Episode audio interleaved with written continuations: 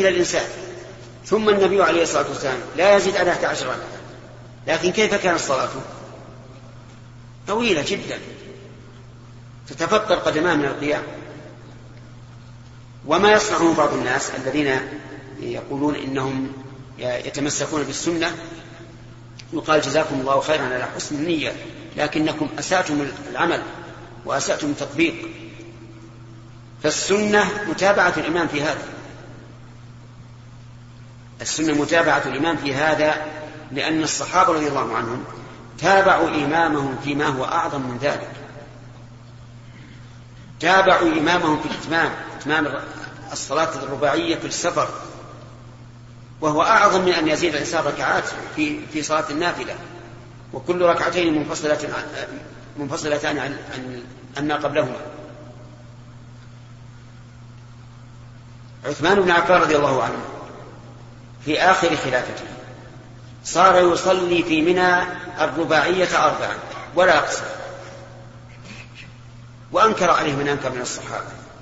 لكن كانوا يصلون خلفه ويصلون أربعة تبعا لإيش تبعا للإمام فوافقوه في عدد يبطل الصلاة. لأنه إذا كانت كان الفرض ركعتين وزيد إلى أربع إيش يكون؟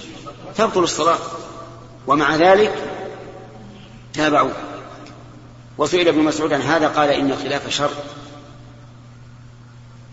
ثم إننا نسمع أن هؤلاء الجماعة يبقون في تاركين إمامهم يتحدثون ويشوشون على من حولهم ويتظاهرون بمخالفة المسلمين المصلين في هذا المسجد الحرام أكثر ما يكون المسجد الحرام.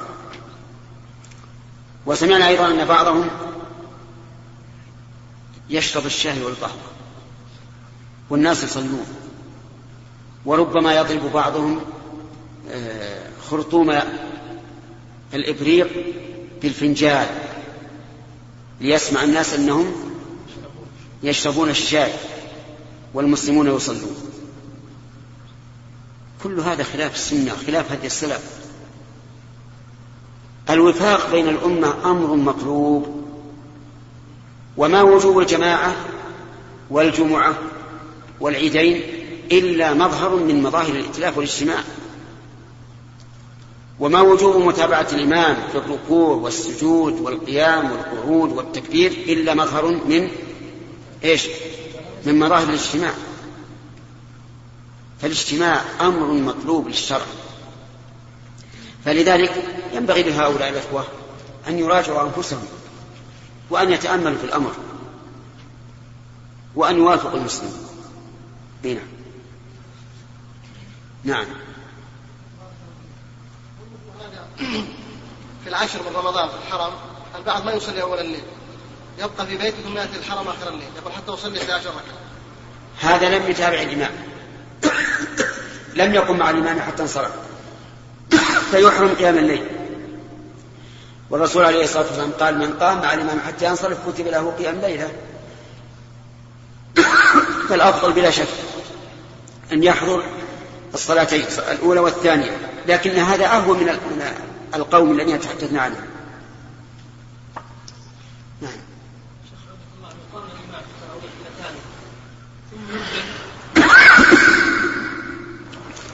وبعد السلام ثم سلم انتبه وسلم. فهل يقال كيف انتبه وسلم؟ انتبه بأنه ما يصلح أصلا إذا إذا نبه ولم ينتبه. يفارق. يفارق ويجلس المأموم ويتشهد ويسلم. كان لوحده. كان لوحده وجاء بذلك ثم انتبه وسلم. ما ما ما في وترين في ليلة. نعم. نقول عيد برابعة أصلا نقول لا يمكن أن تستمر. إذا استمر بعد أن ذكر أن هذه هي الثالثة بطل الصلاة. وبعد أن سلم بعد أن سلم منين؟ الثالثة يعني ما هو مشكلة.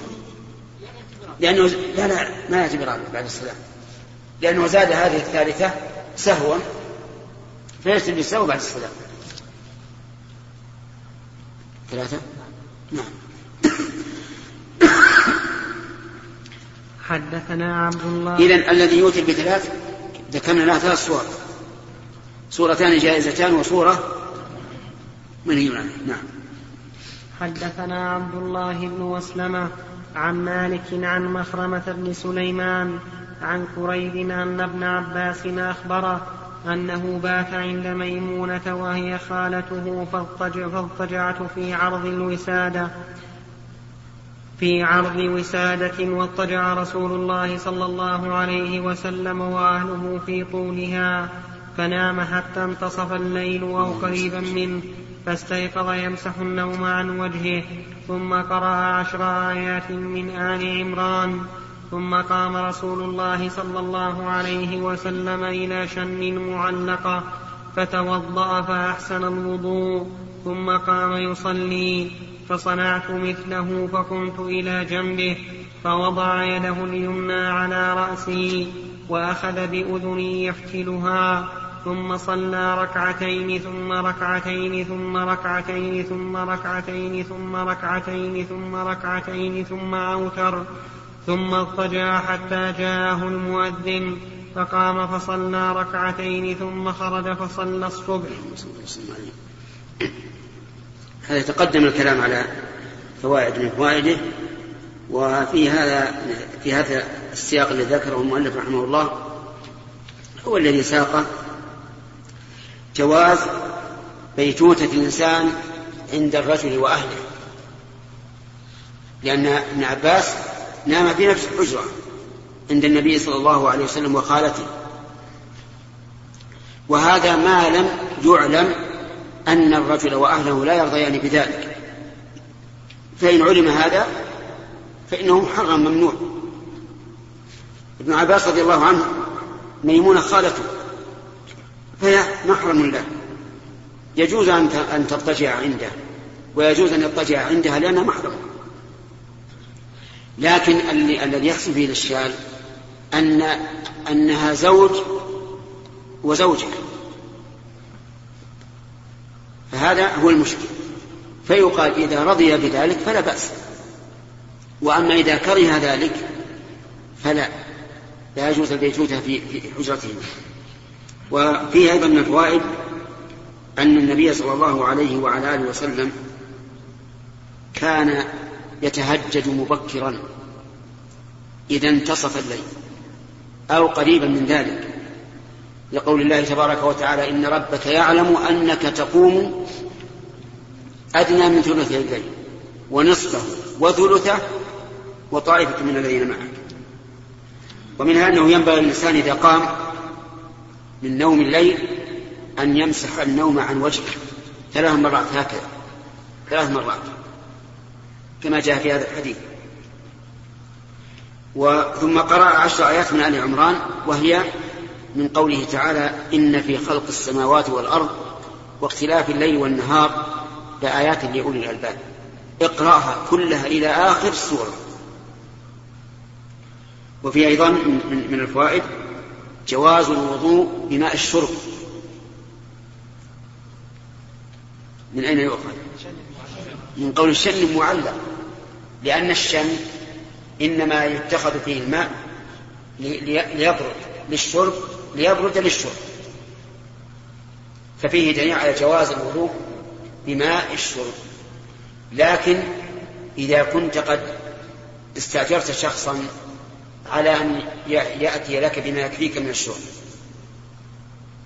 فلا يجوز أن تتوضأ به. إلا إذا كنت تريد أن تعطيه أجرا فيما لو زاد على مقدار الشرب. فلا بأس منه. نعم.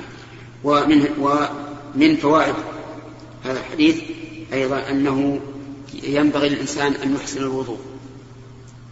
أن يحسن الوضوء كمية وكيفية. الكمية أن لا يزيد على إيش؟ على ثلاث. وله أن يتوضأ مرة مرة ومرتين مرتين وله أن يتوضأ في بعض الأعضاء أكثر من بعض. كل هذا جاءت في السنة. ومن فوائد الحديث جواز الحركة لمصلحة الصلاة لأن النبي صلى الله عليه وسلم تحرك وحرك ابن عباس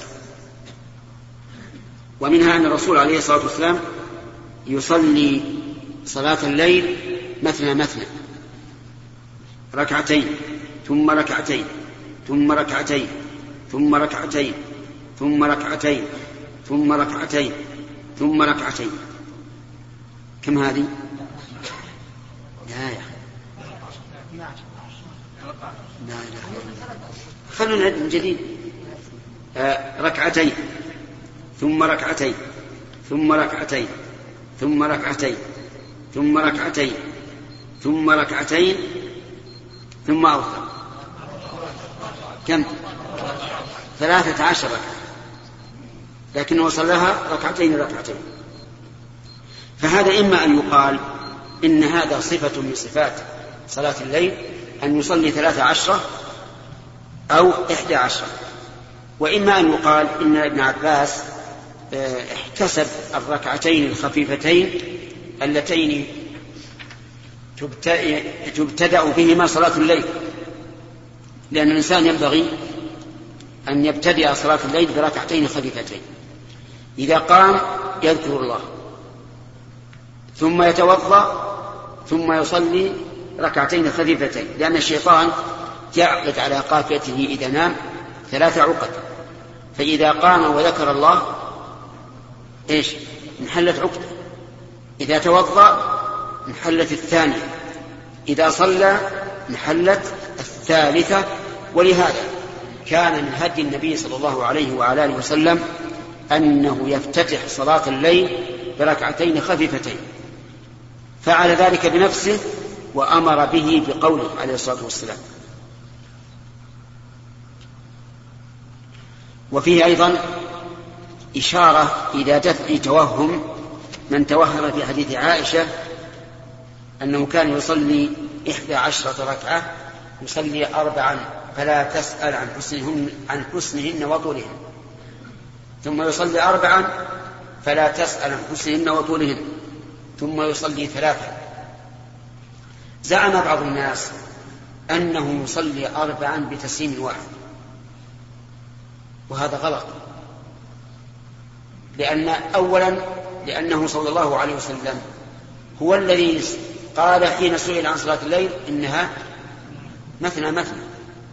والأصل أن فعله مطابق لقوله هذه واحد. ثانيا أن حديث عائشة نفسه في لفظ آخر بينت أنه كان يصلي ركعتين ركعتين. فيحمل هذا الظاهر على ما صرح به أنه يصليها ركعتين ركعتين. ومنها أن هذا يطابق حديث ابن ابن عباس. فإذا قال قائل ما معنى قولها يصلي أربعا فلا تسعى من حسن وطولهن قلنا معناها أنه عليه الصلاة والسلام كان يصلي أربعا. طويلة حسنة. بتسليمتين. ثم يستريح. ولهذا قال ثم يصلي أربعا فيصلي الأربع بتسليمتين. ثم يصلي ثلاثا هذا معنى الحديث الذي لا يحتمل غيره. ولهذا كان السلف الصالح في صلاة التراويح يصلون أربعا ثم يستريحون. ثم أربعا ثم يستريحون. ثم ثلاثا. ومن ثم سميت التراويح من الراحة نعم. شيخ حسن الله إليك. ذكرتم بأنه يمسح النوم عن وجهه ثلاث مرات. نعم. مع أن الحديث مطلق. في في لفظ آخر. ذكرنا أنه في لفظ آخر. نعم. إيش؟ نعم.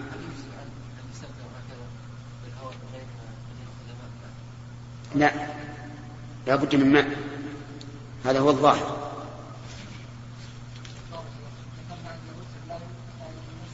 إيش؟ نعم. يسن قضاؤه بعد ارتفاع الشمس. ولا يصلى وترا. يصلى شفعا. لحديث عائشة كان النبي صلى الله عليه وسلم إذا غلبه نوم أو وجع صلى من النهار ثنتي عشرة ركعة.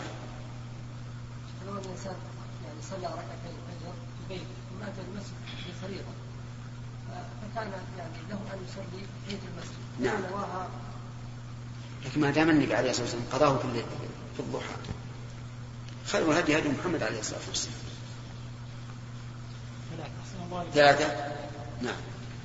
حدثنا يحيى بن سليمان قال حدثني ابن وهب قال أخبرني عمرو أن عبد الرحمن بن القاسم حدثه عن أبيه عن عبد الله بن عمر أنه قال قال النبي صلى الله عليه وسلم صلاة الليل مثنى مثنى فإذا أردت أن تنصرف فاركع ركعة توتر لك ما صليت. قال القاسم ورأينا أناسا منذ أدركنا يوترون بثلاث وإن كلا لواسع أرجو أن لا يكون بشيء منه بأس. رحمه الله. هذا كما قال رحمه الله وكما كان الناس يفعلون في عهده أن يوتروا بثلاث يعني بتسليم واحد. والله موفق. سبحانك اللهم قال الإمام أبو عبد الله البخاري رحمه الله تعالى في كتابه الصحيح في كتاب الوتر. حدثنا يحيى بن سليمان قال حدثني ابن وهب قال أخبر قال ابن عباس خلصنا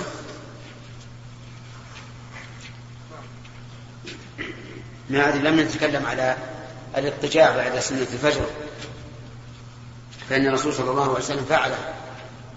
اضطجع حتى جاءه المؤذن. ومن المعلوم أن النبي صلى الله عليه وعلى آله وسلم تنام عيناه ولا ينام قلبه. ولهذا قال العلماء النوم ناقض للوضوء إلا من النبي صلى الله عليه وعلى آله وسلم. فإن من خصائصه أن نومه أن نومه لا ينقض وضوءه لأنه تنام عيناه ولا ينام قلبه صلى الله عليه وسلم. هذه الاستراحة النوم. هل هي سنة أو واجب؟ وهل هي مطلقا أو مع تفصيل؟ كل هذا في خلاف. أشد ما قيل فيها ما اختاره ابن حزم رحمه الله. أنها واجبة وأنه لو صلى الفجر قبل أن يضطجع لم تصح صلاته. فهمتم؟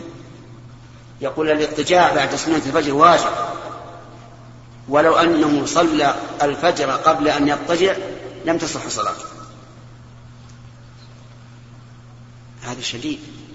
يعني جعل هذا جعل الاضطجاع شرطا لصحة الصلاة واستدل بحديث لا يصح أن النبي صلى الله عليه وسلم أمر بها لكنها لكن هذا الحديث قال عنه شيخ الإسلام ابن تيمية إنه ليس بصحيح وأن الذي صح إنما هو فعل الرسول عليه الصلاة والسلام فقط. وإذا قلنا إنها ليست بواجبة وأن القول بالوجوب ضعيف بقي علينا هل هي سنة مطلقا أو في حال من الأحوال؟ يرى بعض أهل العلم أنها سنة مطلقة. وكانوا يحدثوننا عن السابقين الأولين في هذه البلاد ولعله في غيرها أيضا أنهم إذا صلوا سنة الفجر في المسجد. قام كل واحد منهم إلى جانب واضطجعوا. تحقيقا لهذه السنة. وقال بعض أهل العلم سنة لمن له تهجد حتى يستريح بعد طول تهجده لأن هذا هو الحال الذي ينطبق على حال النبي صلى الله عليه وعلى آله وسلم. وهذا اختيار الشيخ الإسلام ابن تيمية رحمه الله أن الاضطجاع بعد سنة الصبح الأخ أي نعم. سنة متى؟ سنة لمن كان له تهجد وطال تهجده فإنه ينام ليستريح. لكن مع ذلك إذا قلنا بهذا وأنها سنة بهذا القيد وخاف الإنسان إذا نام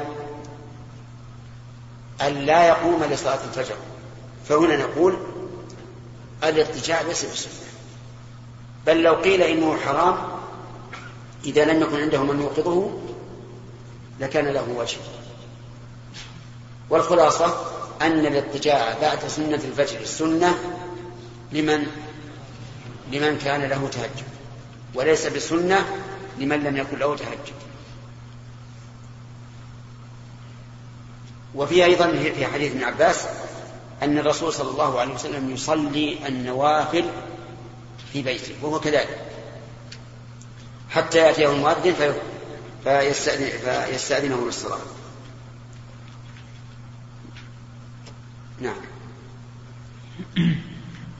حدثنا يحيى بن سليمان قال حدثني ابن وهب قال أخبرني قال أخبرني عمرو أن عبد الرحمن أن عبد الرحمن بن القاسم حدثه عن أبيه عن عبد الله بن عمر أنه قال قال النبي صلى الله عليه وسلم صلاة الليل مثنى مثنى فإذا أردت أن تنصرف فاركع ركعة توتر لك ما صليت.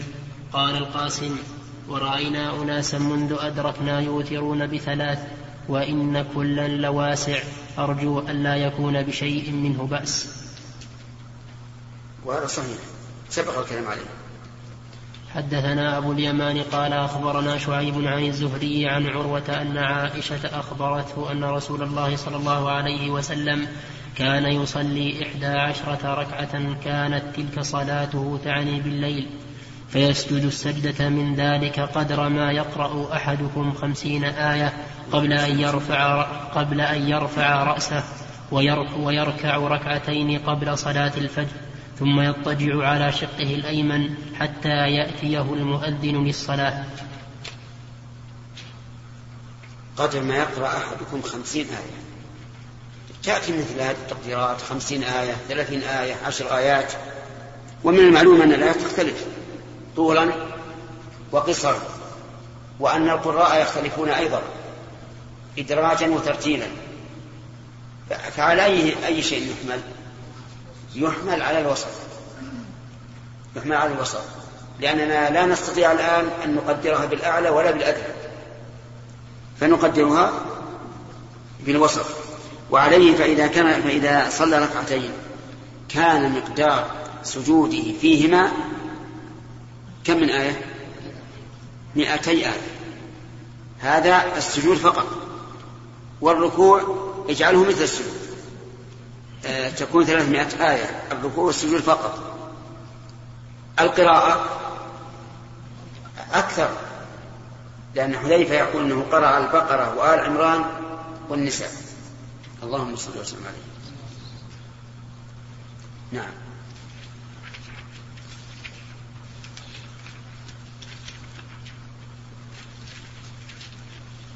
باب ساعات الوتر. قال أبو هريرة أوصاني النبي صلى الله عليه وسلم بالوتر قبل النوم. حدثنا أبو النعمان قال حدثنا وأوصى به أبا ذر وأوصى به أبا الدرداء ثلاثة من أصحابه. قال العلماء وإنما أوصاهم بذلك لأنهم كانوا يسهرون في أول الليل ثم لا يقومون في آخره. أما من ليس له سهر في أول الليل فقد قال النبي صلى الله عليه وسلم من خاف أن لا يقوم من آخر الليل فليوتر أوله ومن طمع أن يقوم من آخره فليوتر آخر الليل فإن صلاة آخر الليل مشهودة وذلك أفضل. نعم. حدثنا أبو النعمان قال حدثنا حماد بن زيد قال حدثنا أنس بن سيرين قال قلت لابن عمر أرأيت الركعتين قبل صلاة الغداة أرأيت الركعتين قبل صلاة الغداة أطيل فيهما القراءة؟ فقال كان النبي صلى الله عليه وسلم يصلي من الليل مثنى مثنى ويوتر بركعة ويصلي الركعتين قبل صلاة الغداة وكأن الأذان بأذنيه. قال حماد أي بسرعة. قوله وكأن الأذان الظاهر المراد بالأذان هنا الإقامة. يعني يسرع حتى كأنه يسمع الإقامة الآن. وهذا كما قالت عائشة رضي الله عنها كان يسرع في ركعتي الفجر حتى أقول أقرأ بأم القرآن. فالسنة في سنة الفجر التخفيف. ارجع إلى قوله. وكأن ذنب بيديه الفتح قوله وكأن بتشديد النون قوله بأذنيه أي لقرب صلاته من الأذان والمراد به, والمراد به هنا الإقامة. فالمعنى أنه كان في هذا دليل على أن الإقامة يطلق عليها اسم الأذان ولو كانت منفردة. وننتقل من هذه الفائدة العظيمة إلى أن بعض الإخوة توهموا في قول المؤذن لصلاة الفجر الصلاة خير من النوم. فإن النبي صلى الله عليه وسلم أمر بلال أن يجعلها في في في في الأذان الأول لصلاة الصبح. في الأذان الأول لصلاة الصبح. فتوهم بعض الناس الذين يحبون التمسك بالسنة لكن لن لم يتأملوا كثيرا. وقالوا إن الصلاة خير من النوم إنما يكون في الأذان الذي قبل قبل الفجر. لقول الرسول الأذان الأول وشنعوا على على, على علينا. شنعوا على أهل نجد وعلى الحجاز وقالوا كيف تجعلون الصلاة من النوم في أذان الفجر؟ وحديث بلال الأذان الأول. فنقول الأذان الأول باعتبار إيش؟ باعتبار الإقامة. لأن الإقامة هي الأذان الثاني. وهذا هو المتعين. لأنه لأنه قال إذا إذا أذنت الأول لصلاة الصبح. ومعلوم أن الأذان لصلاة الصبح لا يكون إلا بعد دخول وقتها. والدليل على أن الأذان للصلاة لا يكون إلا بعد دخول وقتها قول الرسول صلى الله عليه وسلم إذا حضرت الصلاة فليؤذن لكم أحدكم ولا يمكن أن تحضر الصلاة إلا إذا دخل وقتها. فتبين وهم هؤلاء. وتبين أنه لا ينبغي للإنسان أن يكون سريع الإنكار في أمور درج عليها الناس من, من, من أزمنة متطاولة وهذا هو ما أريد أن أقوله الآن. الذي درج عليه الناس ومشوا عليه من أزمنة متطاولة لا تسرع في, في إنكاره تأمل. لأنه ربما يكون عنده من العلم ما ليس عندك هذه واحدة. ثانيا ما كان عليه جمهور العلماء أيضا لا تسرع في إنكاره. لأن جمهور العلماء إلى الصواب أقرب من الأقل فلا تسرع في الإنكار.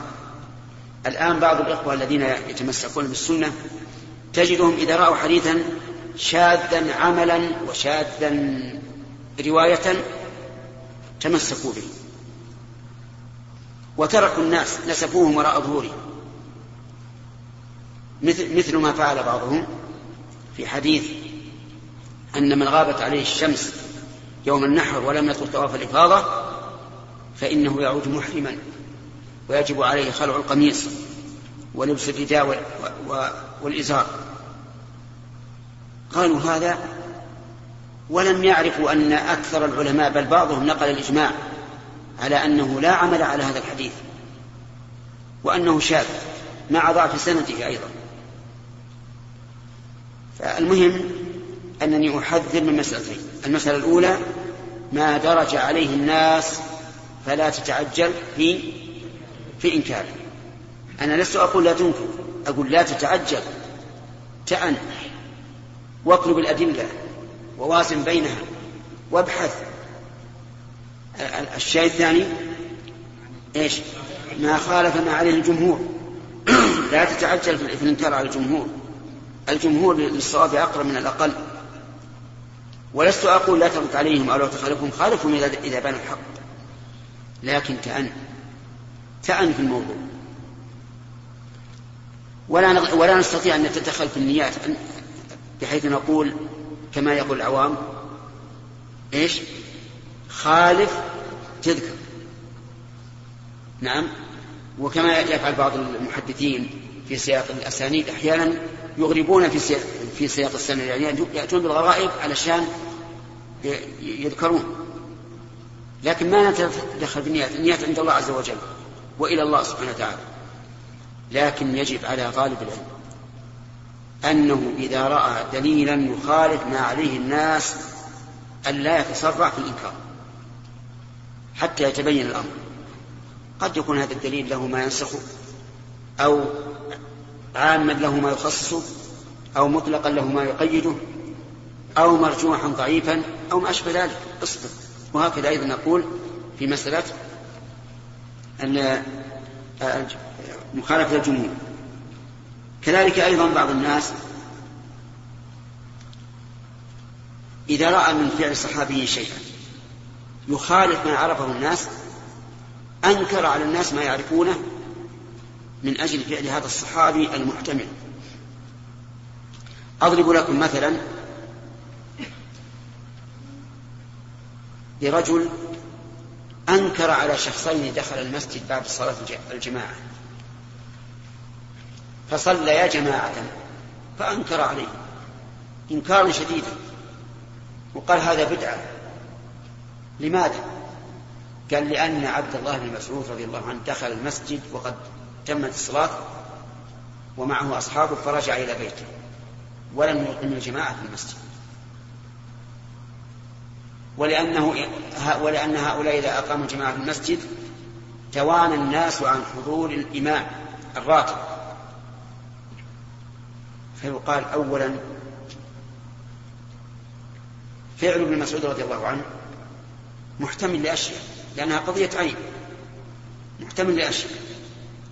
وهو معارض بقول الرسول عليه الصلاة والسلام. صلاة الرجل مع الرجل أزكى من صلاته وحده وصلاته مع الرجلين أزكى من صلاته مع الرجل وما كان أكثر فهو أحب إلى الله.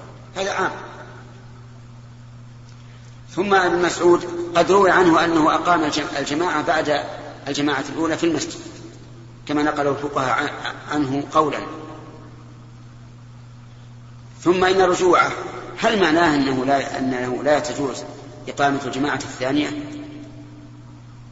ما ندري. قد يكون هذا وقد يكون رجع لئلا يتوالى الناس إذا رأوا عبد الله بن مسعود الصحابي الصحابي الجليل يتأخر عن الجماعة تهاونوا به. وقد يكون رجع إلى بيته لئلا يظن إمام المسجد أنه لا أنه إذا أقام الجماعة بعده لا يريد أن يصلي خلفه فيكون في قلبه شيء. فلا احتمالات متعددة. فلا يجوز أن أن نجعل هذا الفعل المتعدد رادا للسنة. هذا الفعل متردد الاحتمالات متعدد الاحتمالات. لا يجوز أن نجعله رادا للسنة. ثم أنه أيضا في السنن أن رجلا دخل والنبي صلى الله عليه وسلم قد صلى بأصحابه فقال ألا رجل يتصدق عليه فيصلي معه. فأمر أن تقام الجماعة. أمر. أو حث أن تقام الجماعة. بين رجلين أحدهما نافلة صلاته نافلة ليست واجبة. فكيف يمكن أن الرسول يحث على إقامة جماعة صلاة أحدهما نافلة ونقول نمنع إقامة جماعة صلاة الاثنين واجب؟ هذا لا تأتي به الشريعة. فالمهم أن من الناس من يتعجل ويخطئ. أما قولهم إن هذا يؤدي إلى توالي الناس عن صلاة عن الصلاة مع الإمام الراتب فهذا صحيح إن اتخذناها عادة بحيث يكون هذا الرجل كل يوم يأتي ويقيم جماعة بعد الصلاة الأولى هذا نعم يمنع. أما شيء عارض جاءوا وقد انتهت الجماعة نقول لا تصلون جماعة؟ نعم.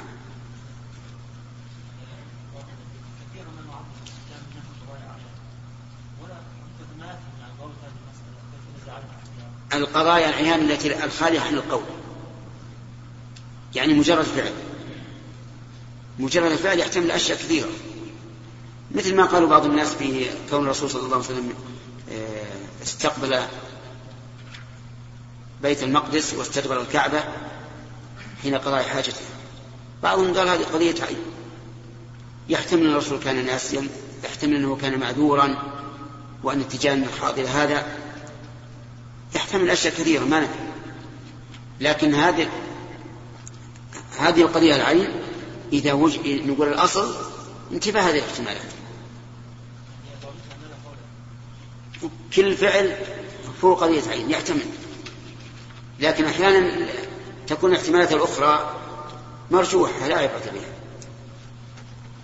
نعم.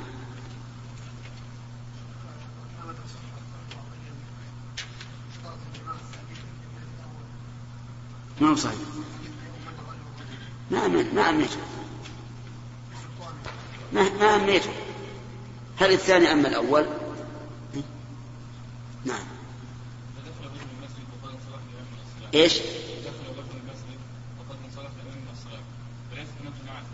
وإيش؟ نعم. أي. يعني معناها رجل دخل وقد انتهى صلاة الإمام. وفيه ناس يصلون قضاء. هل الأفضل أن يدخل معهم أو أن يصلي وحده؟ الأفضل أن يصلي وحده. لأن هذه الهيئة غير معروفة عن السلف. نعم. حدثنا عمر بن حفص. يعني الهيئة أن يدخل الإنسان مع المسبوق. هذه هي معروفة عن السلف. حدثنا هذا الأول التنبيه الأول. حدثنا عمر بن حفص قال حدثنا أبي قال حدثنا الأعمش قال حدثني مسلم عن مسروق عن عائشة أنها قالت كل الليل أوتر رسول الله صلى الله عليه وسلم وانتهى وتره إلى السحر. فهم بعض العلماء هذا الحديث على أن الرسول صلى الله عليه وسلم صلى كل الليل إلى السحر. ولكن الصواب أن أن معناه من كل الليل أوتر. من كل الليل أوتر. فيكون أوتر من أوله وأوتر من وسطه وأوتر في آخره. نعم. باب إيقاظ النبي صلى الله عليه وسلم أهله بالوتر. حدثنا مسدد قال حدثنا يحيى قال حدثنا هشام قال حدثنا أبي عن عائشة أنها قالت كان النبي صلى الله عليه وسلم يصلي وأنا راقدة معترضة على فراشه فإذا أراد أن يوتر أيقظني فأوترت.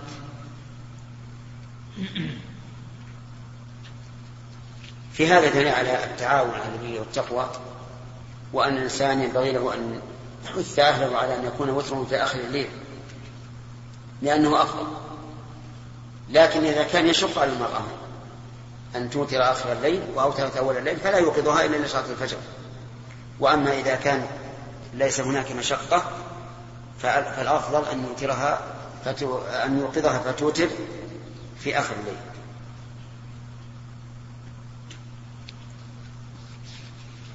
نعم.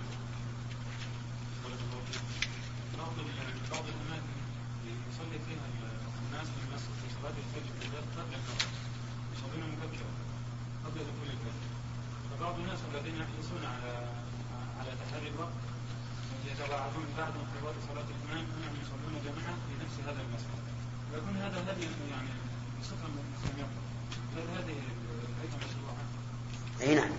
هذه واجبة ما هي مشروعة. لأن الصلاة الأولى ليست فريضة. ما دامت قبل الوقت ولو بقدر تكبيرة الإحرام. فإنها صلاة غير معتد بها شرعا ويجب عليه أن يعيد الصلاة أن يعيد الصلاة. لكن يجب على من علم بحالهم أن ينبههم. ما يقبل الله المستعان أبدا. يتواعدون أنه ما يصلون إلا إلا بعد طلوع الفجر. نعم. إيش؟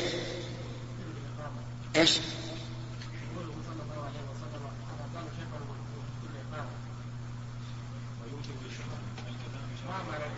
كيف؟ يوتر بالإقامة. ها؟ ها؟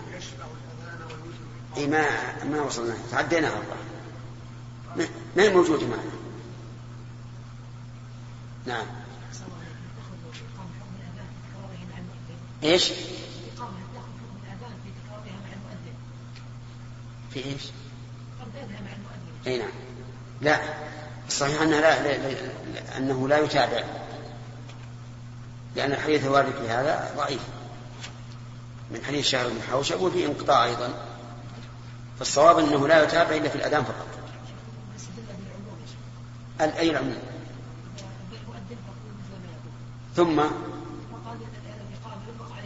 ثم ثم سألوا ثم سألوا الله لي وسيلة و هل الرسول إذا يقيم الصلاة هل هو يبقى يدعو بهذا الدعاء؟ أبدا. من حين تقام الصلاة يكبر. بعد أن يسوي الصفوف نعم باب ليجعل آخر صلاته وترا. حدثنا مسدد قال حدثنا يحيى بن سعيد عن عبيد الله قال حدثني نافع عن عبد الله عن النبي صلى الله عليه وسلم أنه قال اجعلوا آخر صلاتكم بالليل وترا. نعم. من أجل أن يوتر أن يوتر ما صلى فإذا جعل آخر صلاته بالليل وترا ثم قدر له أن يقوم فماذا يصنع؟ بعض العلماء يقول ينقض الوتر الأول فيصلي ركعة ثم يصلي ركعتين ثم يوتر. وهذا غير صحيح لأن الركعة التي نقل بها الوتر بينه وبين وبين الركعة الأولى فواصل أحداث نوم أكل شرب. كيف تبنى الركعة هذه على الركعة الأولى؟ ثم على هذا القول يلزم أن يكون في هذه الليلة كم نوتر؟ ثلاث مرات أو ثلاث مرات. فهذا قول ضعيف وإن كان بعض الصحابة يفعله. الثاني قال يصلي ركعتين ويوتر. إذا انتهى إذا انتهى من التهجد. وهذا أيضا ليس بصواب. لأنه يستلزم أن يكون فيه وتران في ليلة. والقول الثالث وهو الصواب أنه يصلي ركعتين ركعتين إلى أن يطلع الفجر. و وهذا لا ينافي الحديث. اجعلوا آخر صلاتكم بالليل وترا.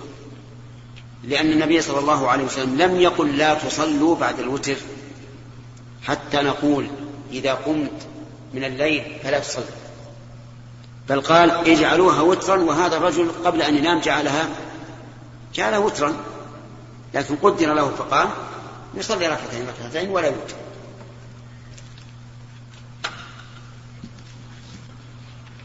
بسم الله والحمد لله وصلى الله وسلم على عبده ورسوله نبينا محمد وعلى آله وصحابته أجمعين. قال الإمام أبو عبد الله البخاري رحمه الله تعالى في كتابه الصحيح في كتاب الوتر باب الوتر على الدابة. حدثنا إسماعيل قال حدثنا مالك عن أبي بكر بن عن أبي بكر بن عمر بن عبد الرحمن بن عبد الله بن عمر بن الخطاب عن سعيد بن يسار أنه قال كنت أسير مع عبد كنت أسير مع عبد الله بن عمر بطريق مكة فقال سعيد فلما خشيت الصبح نزلت فأوترت ثم لحقته. فقال عبد الله بن عمر فقال عبد الله بن عمر أين كنت؟ فقلت خشيت الصبح فنزلت فأوترت. فقال عبد الله أليس لك في رسول الله صلى الله عليه وسلم أسوة حسنة؟ فقلت بلى والله. قال فإن رسول الله صلى الله عليه وسلم كان يوتر على البعير. اللهم صل وسلم. في هذا دليل على ما ترجم له البخاري رحمه الله أن الإنسان أن الوتر جائز على الراحل. ولكن أين يتوجه؟ يتوجه حيث كان وجهه. ولا يلزمه أن يتوجه إلى الكعبة بل حيث كان وجهه. وهذا في النافلة فقط. وهو دليل على أن الوتر ليس بواجب كما هو القول الراجح أنه ليس بواجب لا في الحضر ولا في السفر ولا على من له ود من الليل ولا من ليس له ود من الليل هو من السنن لكنه من السنن المؤكدة. وفيه دليل على أنه ينبغي للعالم أن يتفقد أصحابه وينظر ماذا صنعوا كما فعل عبد الله بن عمر رضي الله عنه. وكما كان إمامنا محمد رسول الله صلى الله عليه وسلم يفعل فإنه فقد أبا هريرة وكان يمشي معه في أسواق المدينة فقال له أين كنت؟ قال كنت جنبا فاغتسلت. فالمهم أنه ينبغي للإنسان الذي له مقام في قومه ومكانه أن يتفقده لأن هذا هو هدي النبي صلى الله عليه وعلى آله وسلم. وفيه دليل على جواز اليمين بدون استحلال كقول سعيد بلى والله. لما قال له عبد الله بن عمر أليس لك في رسول الله صلى الله عليه وسلم أسوة حسنة؟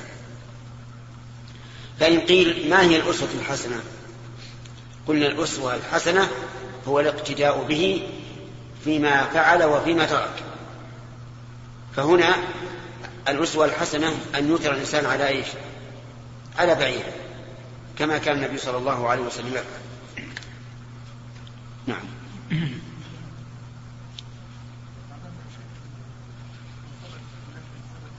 نعم. نعم.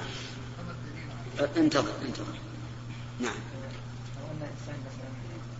في قطر أو طائرة إيش؟